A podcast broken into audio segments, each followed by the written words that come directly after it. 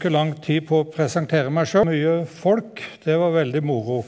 Nå skal ikke jeg bruke lang tid på å presentere meg sjøl, men jeg har i mitt voksne liv vi får si det sånn, så har jeg to hovedavsnitt. og Det ene er at jeg har vært misjonær i Etiopia i 16 år. Og så har jeg vært lærer på Drottningborg videregående over 20 år. Og nå er jeg pensjonist, gammel, gått ut på dato. Men så har jeg blitt spurt om Jeg har vært noen ganger før her og hatt og Jeg trives med å undervise. Det gjør jeg. Det er kjekt å liksom Den aldersgruppa dere er òg. For det, jeg har sagt ungdomsskolen det er ikke noe for meg. altså De er for små. Og så, ja, Litt sånn. Og så fikk jeg fra Rune ei lang sånn liste om temaer. Og så sa jeg en en fire-fem av de som jeg godt kunne tenke meg, så valgte han det siste av de jeg hadde valgt, eh, foreslått. Så har jeg jobba litt nå med Jeg sier Timoteus, som dere sier Timoteus, tror jeg. Det betyr ingenting, det er samme person. Det er bare en vane. Men før vi kommer skikkelig i gang, så skal vi eh, kikke litt Dere skal få Jeg har 20 stykker av et kart. Det er et utsnitt av Paulus sin andre misjonsreise. Det betyr ingenting. Eller iallfall veldig lite. Men det er en del byer jeg har lyst til å si litt om på forhånd, sånn at dere kan eh, være litt forberedt når det kommer eh, eh, de byene. Prøve å huske litt. Det blir masse bibelhenvisninger i dag. Jeg har ikke mulighet til at vi skal slå opp alle de. Men jeg har tenkt at etterpå, hvis noen har interesse av det, så kan det legges ut til de her bildene som dere får i dag. Og så kan dere slå opp en del av de sjøl. Fordi Ja, vi, som jeg sier, vi skal ta litt om nå Nå tror jeg de fleste har fått et kart har de det, som ikke er helt likt det jeg har, men eh, det betyr ikke så mye. Jeg har tatt det kartet her også fordi at Roma kommer til å bli inne. og Det har ikke dere på kartet deres, men for å hjelpe dere litt å finne ut hvor Roma ligger, så har vi det. Det, det kartet dere har, det er konsentrert om dagens Tyrkia og dagens Hellas. Eh, nå skal vi gå litt gjennom noen av de byene. Hvis dere kikker helt nederst til høyre, så finner dere Jerusalem. Det klarer dere alle sammen. Der er Jerusalem. Og så går vi oppover sånn omtrent 10 cm. Og der har dere en by som heter Antiokia. Og Den vet jeg ikke hvor mye dere vet om den, men den er viktig. Og Det er noe av det første vi skal starte med, å fortelle litt om Antiokia. For Titus han har med Antiokia å gjøre.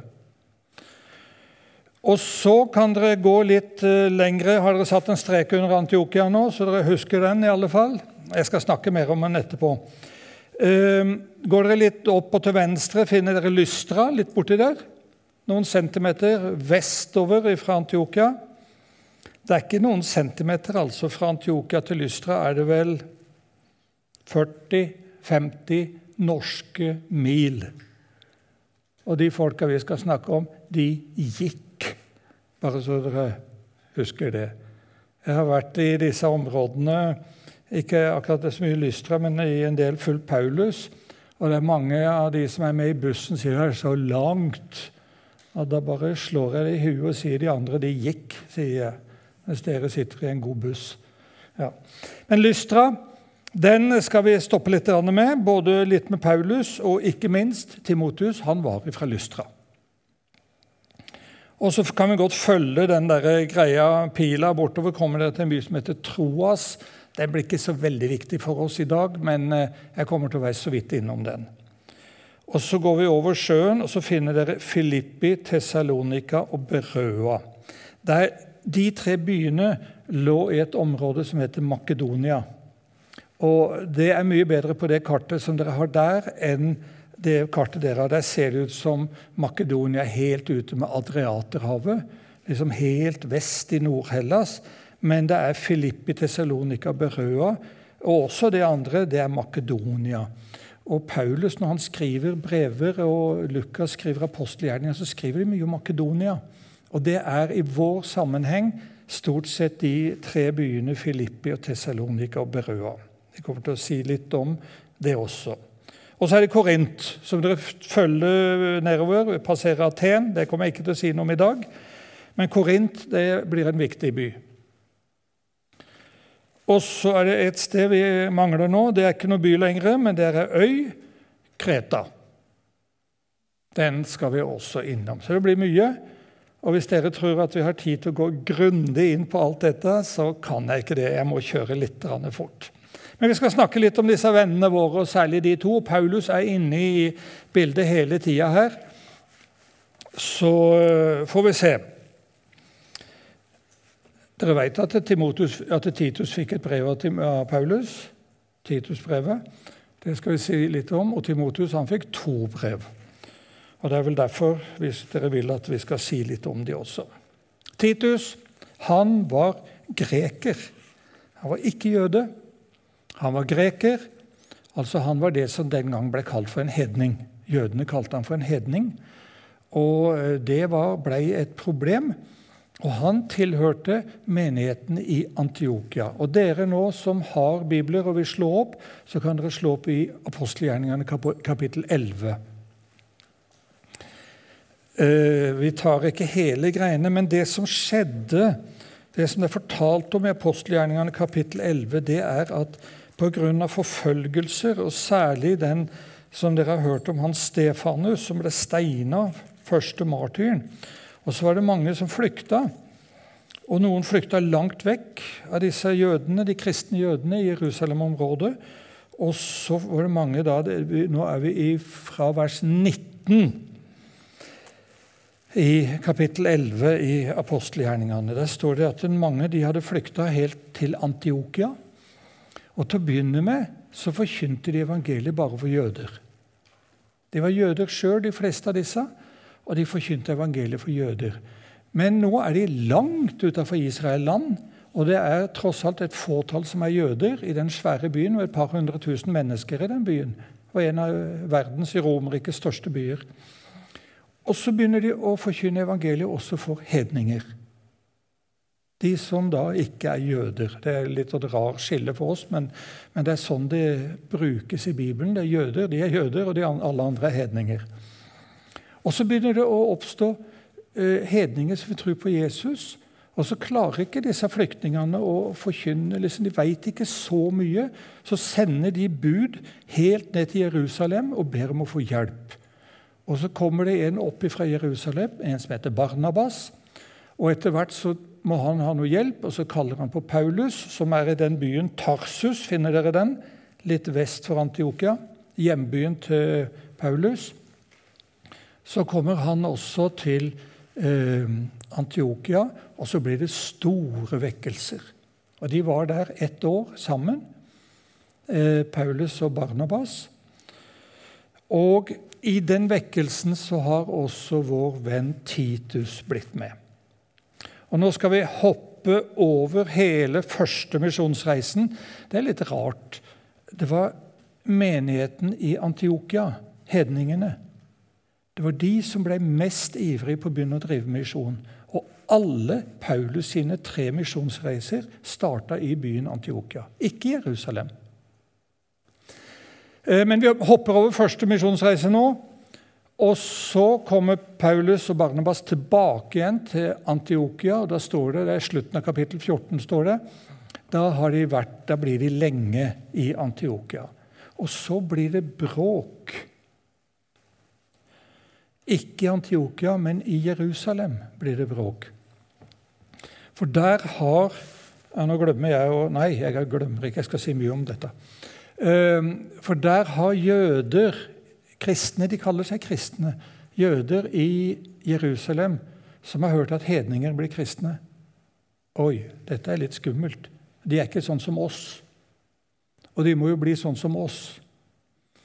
Og de må jo følge Moseloven og alle budene, både de skriftlige og de muntlige budene. Og så blir det bråk med at særlig én ting, det er omskjærelsen, den pakten som jødene hadde med Abraham, eh, som Gud hadde med Abraham, at alle guttebarn skulle omskjæres. Og disse hedningene var ikke omskjært. Og da sier jødene mm -mm, de kan vi ikke ha med.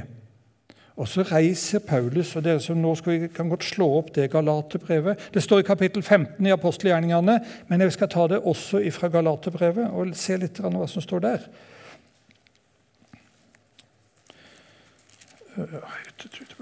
Sånn. Galaterbrevet, kapittel 2. 14 år senere, det er noe langt tilbake han henviser til, reiste jeg igjen opp til Jerusalem. Sammen med Barnabas, og jeg tok også Titus med meg. Det er første gang vi hører om Titus. Han blir med fra Antiokia til Jerusalem, for nå har de kalt sammen til et kjempemøte i Jerusalem, det som vi kaller for apostelmøtet. Det viktigste møte, kristne møtet i, i oldtiden og kanskje hele kirkens historie. Jeg tok også Titus med, sier han. Og jeg reiste dit pga. en åpenbaring. Og I et eget møte med de mest ansette, det er Peter og Johannes og de herre her, eh, la jeg fram for dem det evangeliet jeg forkynner blant folkeslagene. For jeg ville ikke løpe eller ha løpt forgjeves. Altså, hva er det Paulus har forkynt? Han forkynt er ved troen på Jesus at et menneske blir frelst. Og Det sa mange av de jødekristne i Jerusalem. Det er ikke nok. Det er ikke nok. De må begynne å leve sånn som vi jødene gjør. Og Så tar Paulus med seg eh, Titus i vers 3. Men ikke engang Titus, som var med meg, og som er greker, ble tvunget til å la seg omskjære. Dette kravet kom fra noen falske søsken som hadde sneket seg inn for å spionere på den friheten vi har i Kristus. Og Så står, leser ikke jeg mer nå. Paulus tar med seg Titus til Jerusalem og viser fram for jødene, ikke sånn helt bokstavelig kanskje, men å si her er en hedning, en greker. Han er ikke omskjært. Han er akkurat like god kristen som dere, for han tror på Jesus. Og så blir det et stort ord, ordskifte.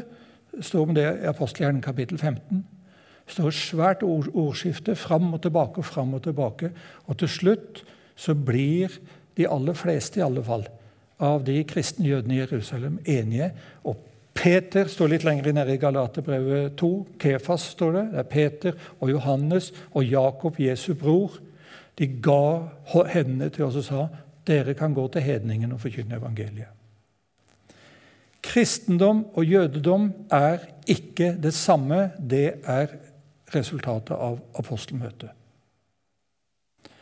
Det er ikke noe krav at de kristne skal bli omskjært, sjøl om en del av jødene mente det. og Paulus fikk mye trøbbel med dette seinere også. Apostelmøtet, Antiokia-menigheten, det er en hedningemenighet. Det er den første misjonsmenigheten. Det var apostelmøtet. Det glemte jeg å vise dere. Og så, nå skal vi hoppe langt, veldig langt. Nå hopper vi over andre misjonsreisen også. Der hører vi ingenting om Titus på den andre misjonsreisen. Men når vi kommer til den tredje misjonsreisen, og den er i nesten sin helhet konsentrert om Efesus. Finner dere Efesus på kartet nå? Paulus var nesten tre år i Efesus. Det er den plassen han var lengst av alle de stedene vi veit om. Og i løpet av de tre årene eller det, så står det hele Asia fikk høre Herrens ord. Altså det er Lille-Asia. Hele det svære området eh, rundt Efesus og nordover og sørover. Der ble det danna massevis av menigheter. Og Titus han er sammen med Paulus i Efesus. Om han var lærer på den bibelskolen eller om han sjøl var elev, det står det ingenting om. Men hvis dere nå ser fra Efesus, altså rett vestover over havet, finner dere Korint. Og mens Paulus er i Efesus på den tredje misjonsreisen, så får han dårlige nyheter fra Korint. Det er dårlige nyheter. Det er veldig mye problemer i Korint. Eh, litt seinere var det en annen som reiste, men eh, Titus han blir sendt over til Korint for å prøve å rydde opp i den vanskelige situasjonen. Første Korinterbrev, hvis vi leser det, det skal vi ikke gjøre nå, men der ser vi en del av de problemene de hadde i Korint. Og så plukker altså Paulus ut en av sine beste Og så sender han dem til Korint. Nå må du rydde opp. Og så gjør Timotius det. Nei, unnskyld, Titus. nå sa jeg feil. Så gjør Titus det. Han reiser over. Og så har de gjort en avtale at han skal komme eh, tilbake og gi rapport. Det står det litt om i andre korinterbrev. og Så kommer han ikke der, men de møter han et annet sted. Og så ser det ut for at Titus han har lykkes med den jobben. Titus jeg bruker et ord han er Paulus sin ryddegutt. Det er tøft å være en ryddegutt. Gå inn i problemer. Men Titus var en med ryggrad som tålte kanskje å møte motstand. Og han ble sendt av Paulus for å rydde opp. Men han kom ikke tilbake der til Troas. Vi bryr oss ikke så mye om akkurat det nå. Men han kom litt seinere, og da til, møtte Paulus opp i Makedonia. Da var Paulus ferdig med tiden i, i eh, Efesus og hadde reist nordover til de menighetene igjen. Og Da kommer Titus. Og da, I andre korinterbrev så skriver Paulus litt om dette. og Da er altså Titus så glad. For menigheten nede i Korint de har tatt imot det som eh, Titus kom for å rydde opp i. Iallfall det aller meste. Det er litt problemer ennå, men ikke så mye. Og Titus kommer da og møter Paulus der oppe og så sier vi lykkes. Vi lyktes. Det er mye, mye bedre. Og han er, han er så glad. liksom Det bobler. Jeg kan lese i 2. Korinterbrev kapittel 7 og 8 der. Eh, så forteller Paulus om det møtet når Titus kommer. Og han er så ivrig, skriver Paulus til de nede i Korint, at det skal gå godt med dere. Og så sender han eh, Titus tilbake igjen til Korint med det brevet som vi kaller for andre korinterbrev. Blir sendt ned igjen til Korint for å fortsette den gjerningen han har gjort der nede. Og Da var det enda noe annet som han også skulle gjøre. Han skulle starte en innsamling av penger der nede i Korint. For Paulus hadde bestemt seg for å samle inn masse penger til de fattige i Jerusalem enker og andre fattige der. Og så I Filippi, Tessalonika, Berøa, Aten og Korint så vil Paulus samle inn penger for å reise ned til Jerusalem. Nå er han snart ferdig med den tredje misjonsreisen, og da skal han til Jerusalem med pengegaven. Så sender han Titus om en gang til ned til Korint. Nå må du fortsette eh, på den jobben din der nede, og så må du begynne å samle inn penger, for jeg kommer snart ned til Korint skriver Paulus, og da regner jeg med at dere er i full gang med den pengeinnsamlingen.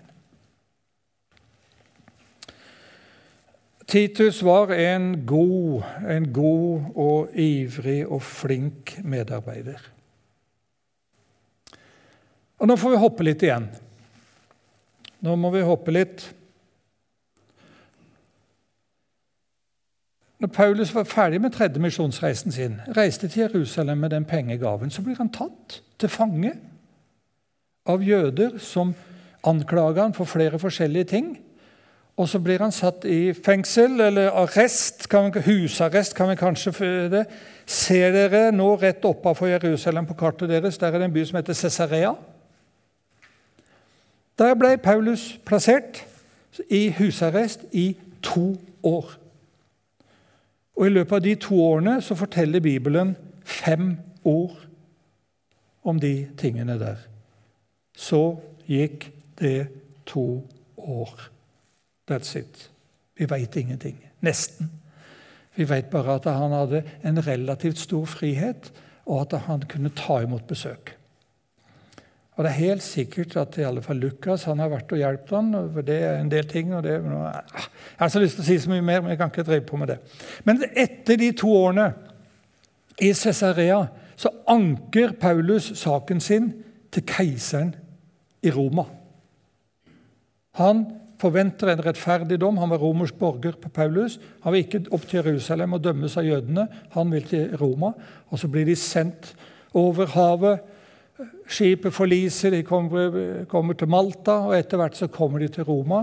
Og der i Roma igjen, to år, sitter Paulus i fangenskap, i husarrest i Roma. Fire år pluss den reisen pluss Malta, fire og et halvt år omtrent. Han som hadde tenkt virkelig å få gjort noe. Men han hadde litt frihet i Roma òg. Det ble vekkelse blant soldatene som passa på ham, til og med, står det. Eh, og Han skrev en del av de brevene vi har, og han kunne ta imot besøk. Og Titus var også sammen med han i Roma. Og Så får, blir Paulus satt fri. Nå stopper apostelgjerningene, så nå har vi ikke noe direkte ifra, eh, i Bibelen. Vi har kirkehistorien, og så har vi en del av brevene til Paulus som både i Filippe-brevet og Filemon-brevet så sier Paulus at han ser fram til å bli satt fri. Han vet at han skal bli det. Og så har han reist ut på en ny misjonsreise. Litt. Rann. Den vet vi ikke så veldig mye om, men vi klarer sånn noenlunde å finne ut hvor han har vært den. Og klarer dere nå, Det går ikke så godt på kartet deres nå, men eh, dere finner Roma iallfall helt opp til venstre. Og så tror vi ut ifra eh, sånn noenlunde at han har reist til Kreta. Det står det ingenting om i apostelgjerningene, ingenting om i, på de tre misjonsreisene. Men nå plutselig er Paulus på Kreta. Og så er han tilbake igjen i Efesus. Klarer dere å følge den pila oppover til Efesus? Og så reiser han videre opp igjen til Makedonia. Og så har jeg en by på vest i eh, Hellas. Klarer dere å se på kartet bak meg her at det er en by som heter Nikopolis? Ser dere den? Og den er, På kartet deres har dere litt sånn bukt inn, litt sånn på vest i Hellas. Der lå Nikopolis. Og Der har Paulus også vært. og Han har vært i Efesus og de tingene der. Og hva gjør han? Han skriver brev, bl.a. Paulus og Titus har vært på Kreta, de.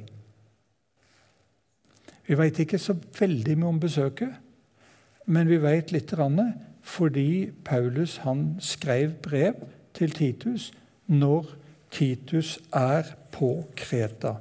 Det skal jeg bare lese i eh, brevet til Titus, i første kapittel, vers 5. Jeg lot deg bli igjen på Kreta. Altså, De har vært sammen, og så har Paulus sagt 'jeg må reise videre'. Og jeg må til Efesus. Og så sier han 'men du, Titus, nå blir du igjen her på Kreta'. Og hva var det han skulle gjøre? Du skal ordne det som fremdeles er ugjort. Det var masse oppgaver, og de oppgavene var ikke bare lette heller. altså. Det var en del vanskeligheter på Kreta.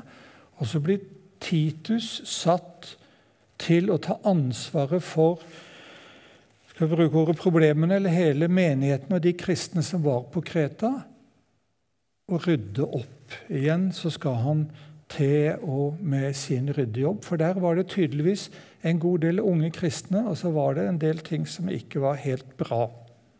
Det var noen problemer. Og på slutten av brevet Jeg skal se bitte litt på brevet nå snart.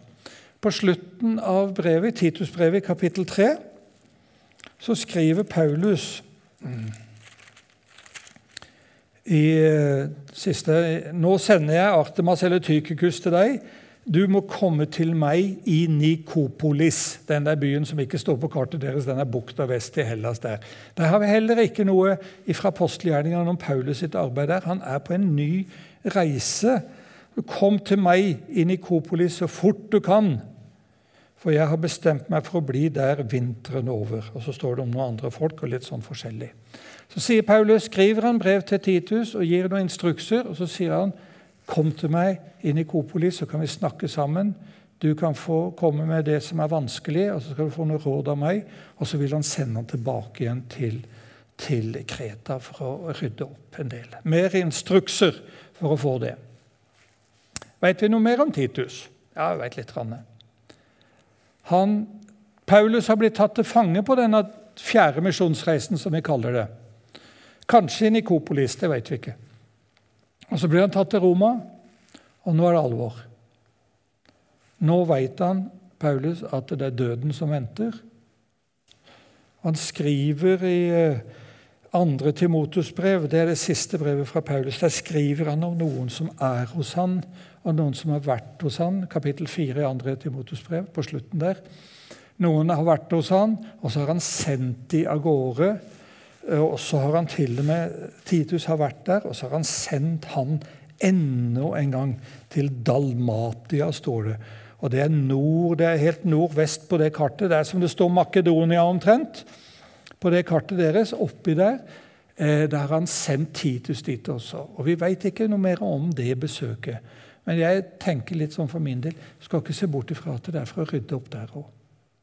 Han ble plassert der hvor det var vanskeligheter, og så gjør han en kjempejobb.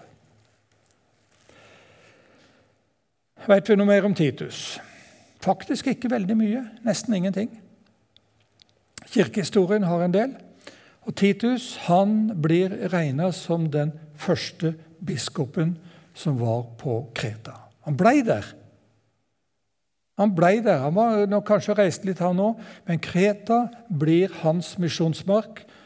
Og han døde på Kreta i en høy alderdom. Vi veit ikke hvor gammel han er. 80 år, kanskje. Det veit vi ikke. Og der i eh, Heraklon Nå skal vi se om jeg klarer å peke klarer å se der, står det Heraklion. Det er hovedbyen på Kreta, nord på Kreta. Der er det en eh, katedral som kalles for Tituskatedralen, til minne om Kretas apostel, som han også blir kalt. Han er Kretas helken og blir regna som veldig veldig stor og viktig. Han klarte vel der også da å få orden på de tingene som var vanskelig. Det er bare litt fra eh, Tituskatedralen der i Heraklion. Den er eh, stor og fin innvendig også. og Der ser det litt sånn annerledes enn det vi er vant til. Men det er fordi dette er gresk-ortodoks kirke. Det er ikke luthersk, det er ikke pinsevenner, det er ikke romersk-katolsk, men det er gresk-ortodoks kirke. Det betyr ingenting. Vi tar litt om innholdet i uh, Titusbrevet. Første det er hvem som er avsender. Det er Paulus. Og mottakeren det er Titus. Og så Eh, I eh, kapittel 1 der da, så begynner det med de oppgaver som ledere i menigheten skal ha. Og det er Jeg syns det er nesten en skummel lesning, eh, de kravene som stilles til en leder i menighetene. Det står det at Den eldste står det, må ikke være noe å utsette på. Og så står det forskjellige ting nedover der i kapittel 1 fra vers 5. Kan dere liksom bare blablabla, kikke nedover i full fart? de greiene der. Og hvis vi skulle legge den lista så høyt, så var det ikke mange av oss som hadde tort å være ledere i kristne menigheter. Men det er idealet som Paulus uh, sier han skal være gjestfri og godhjerta. Forstandig skal han være. Herre over seg selv og holde seg til troverdige ord osv. Han skal ha snille barn, sier står det også. Greie barn. Ja, det er ikke alle som har det heller. Jeg skal ikke si noe om mine. Nei, det er ikke så, de blitt ålreit, vi får si det sånn. Men det fortsetter han med da, og sier til Timotus sånn skal du instruere. Og de som er best mulig skikka til sånne ting, de skal du velge å innsette som eldste eller som leder i menigheten. Men så kommer det advarsel mot vranglære. Og den vranglæren som det gjelder, det er i forbindelse med de judaistene, altså de jødene. For det står det der at det står at uh, mange gjenstridige pratmakere i vers 10 som forvirrer andre, særlig blant de omskårne, altså jødene. Og Titus hadde problemer med dette, og Paulus gir en del råd. Åssen han skal oppføre seg. Og han er veldig på det, Paulus, med undervisning og undervisning og undervisning i sann kristendom. Han advarer litt på slutten av brevet hold deg unna disse endeløse diskusjonene. Og så i kapittel to, hele kapittel to Det kan egentlig ha en, bare en liten overskrift Vær et forbilde. Vær et forbilde. Både i den måten du lærer andre du underviser på, både måten du gjør det på, og innholdet som du underviser, skal du være et forbilde. Og måten du lever på, skal du være et forbilde. Men det er ikke bare det. Hvis dere ser på det med forbildet, så har vi det i vers 7, så sier han det. Og igjen så sier han i vers 15.: La ingen se ned på deg. Det var sikkert noen som ville det også, men bare rett ryggen og lev sånn at ikke de har noe å kritisere deg for. Det er viktig for en som er satt til å være leder lære rett og leve rett. Og Så står det innimellom i kapittelet her hvordan forskjellige grupper hva han skal lære om til mennene, til kvinnene, unge og gamle, og til og med til slavene. står det en del om det. Dette får dere lese sjøl, vi har ikke tid til det. Og I kapittel tre så er det et flott avsnitt, og det tror jeg jeg skal lese. Det, det er igjen dette med at vi skal være ydmyke, ikke være ja, kravstor og en del sånne ting. Fra vers 4. Men det ble åpenbart hvor, Gud, hvor god vår Gud og frelser er, og at han elsker menneskene. Han frelste oss, ikke på grunn av våre rettferdige gjerninger, men fordi han er barmhjertig og han frelste oss ved badet som gjenføder og fornyer ved Den hellige ånd, som han så rikelig har øst ut over oss ved Jesus Kristus, vår frelser. Så vi skulle bli rettferdige ved Hans nåde. Ikke ved gjerninger, men Guds nåde. Og bli arvinger til det evige liv, som er vårt håp. Det er et viktig avsnitt i det kapittel 3, dette her. Og så sier han 'hold deg unna tåpelige stridsspørsmål'. Og det burde kanskje vi også gjøre. Det er ikke alltid en del av de såkalte teologiske stridsspørsmålene er så veldig viktig å snakke om. Hold deg unna det maset der, sier egentlig Paulus. Undervis folk, forkynn evangeliet, lev rett og fint og vær et eksempel. Og så er det hilsen og avslutning. Nå hadde ikke jeg tenkt å si mer om Titus. jeg. Eh, Rune, tar vi pause nå? Det er ikke ganske, men eh, Skal jeg ta litt om Timotus med en gang? Tåler dere det? Ingen tålte det. Det var to. Det var to som i hvert fall smilte. så da satser jeg på det. Timotus han føler dere nok at dere kjenner bedre og litt sånne ting. Det vil jeg tro at han gjør. Og hvem var han? Jo da, han var en kjekk kar. Han vokste opp i Lystra. Klarer dere å finne Lystra nå? Ho! Det er noen som glor fælt nå. Han vokste opp i Lystra. Og Paulus han hadde jødisk mor, hun var kristen. Han hadde forresten en kristen bestemor òg. Men faren han var hedning, han var greker. Uh, og Paulus han hadde vært i Lystra på første misjonsreisen. Og Hva skjedde med Paulus der da? Nå skal jeg ikke fortelle hele fortellingen, men det som skjedde, det var at Paulus ble steina. De dro han utafor byen, står det, og steinte han. Og det var bare så vidt han overlevde. Men så står det at de kristne i Lystra de tok seg av Paulus og stelte han og fikk han på beina igjen. Han overlevde. Og jeg tenker meg han guttungen her, som nok da var 14-15 år, kanskje, vi veit ikke, Og opplever det at Paulus blir slept utafor og ser at han blir steina. Og så ser han mor si, og så ser han bestemor si, og kanskje noen andre som går ut til den ødelagte mennesket omtrent som ligger der i steinrøysa, og så får de liv i han igjen. Men så reiste Paulus derfra etter det. Men på andre misjonsreisen så kommer Paulus tilbake igjen. Det var det. Når vi på andre misjonsreisen, det er den dere har tegna på kartet deres, så kommer Paulus tilbake igjen eh, til Lystra for å besøke de kristne. Han var tøff, Paulus. Han var ikke redd for det. Og så står det i, um, i apostelgjerningene i kapittel 16 Nei, på slutten, nå, nå, slutten av 15 og 16. Begynnelsen av 16. Andre korinterbrev. Nå må jeg begynne å leite her. Dere kan slå opp dere også. Der. Han kom til Lystra, står det. Derbe og Lystra, i kapittel 16. Ja. Der var det en disippel som het Timoteus. Han var sønn av en troende jødisk kvinne, og faren var greker. Søsknene i Lystra og Ikonium, Ikonium, det er nabobyen, hadde bare godt å si om han. Det er ikke dårlig. Ungdommen. Alle snakker fint om den unggutten der. Og Paulus blir tydeligvis kjent med han, og Paulus får noe av det samme som eh, folk i området. Dette er en flott gutt. Dette er en kjempefin gutt. Og så vil Paulus ta han med på misjonsreisen. Han går sikkert hjem til mor og kanskje til far også og sier Vi vet ikke hvor gammel Timotus var. Jeg tror han var 17 år, men altså, det vet vi ikke. Noe sånt noe. Uh, og så sier Paulus kan jeg få lov å ta han med på reisen som jeg skal ha. Vi må ha noen til å gå på markedet og handle litt. og Vi må ha noe hjelp til et eller annet. og Han er ung og sprek. og Han kan hjelpe oss. Hjelpegutt. Lærling, skal vi bruke det ordet. Så kan jeg få lov å ta han med. Og så får han lov til det av foreldrene. Men så var det et problem med Timotius. Han hadde gresk far, og han var ikke omskjært. Og så gjør Paulus noe veldig rart. Han sier til Timotius du er nødt til å bli omskjært. Hæ? Må jeg det?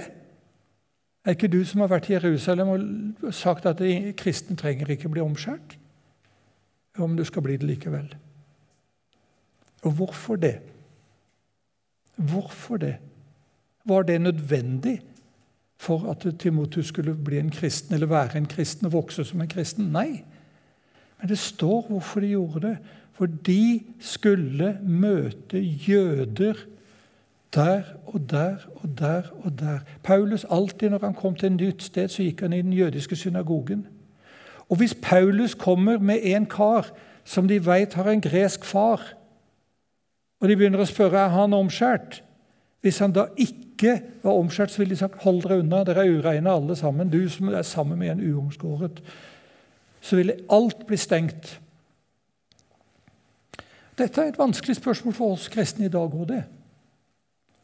Skal vi noen ganger tilpasse oss de omgivelsene der hvor vi skal forkynne evangeliet?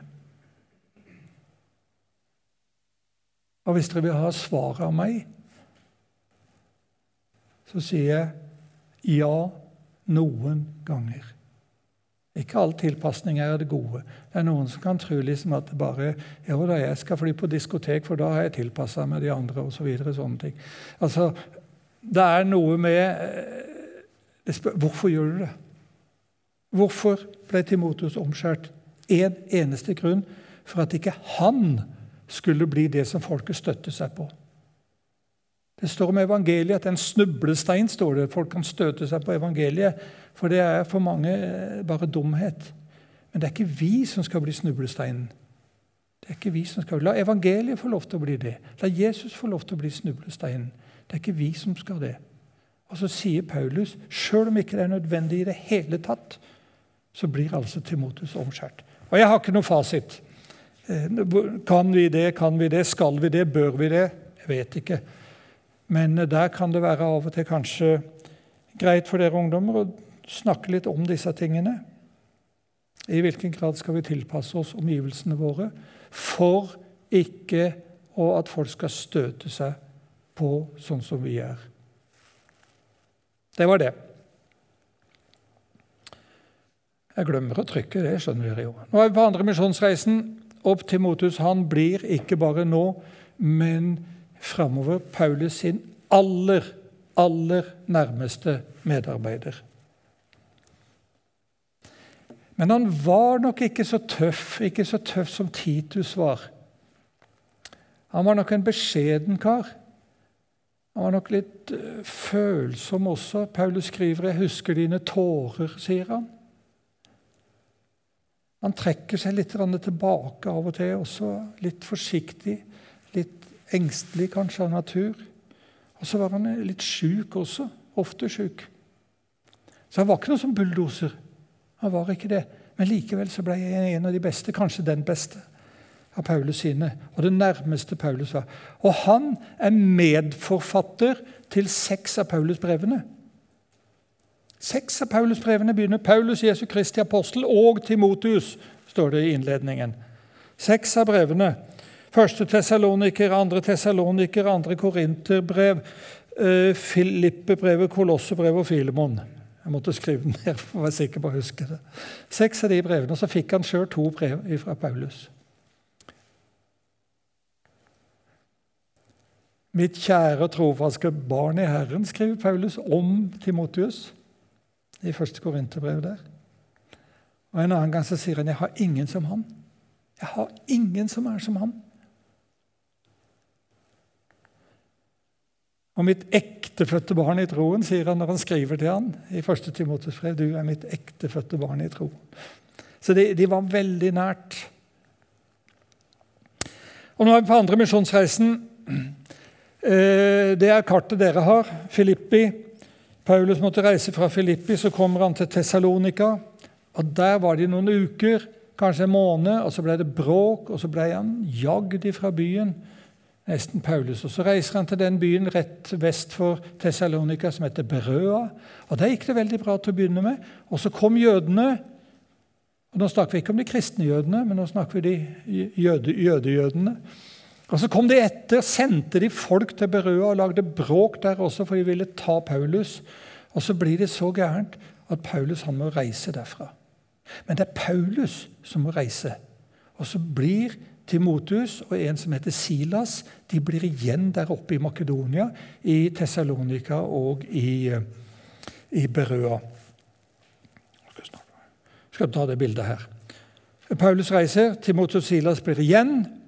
Og Så reiser Paulus til Aten, og så reiser han til Korint for å forkynne evangeliet. Og så kommer Timotus og Silas fra eh, Makedonia der oppe og kommer til Paulus i Korint. Og de har rapporter derfra. Og så skulle jeg vel ikke ta det, så stopper vi der. Der stopper vi nå. Var det tre minutter du sa? Pause? Cirka det. Cirka det.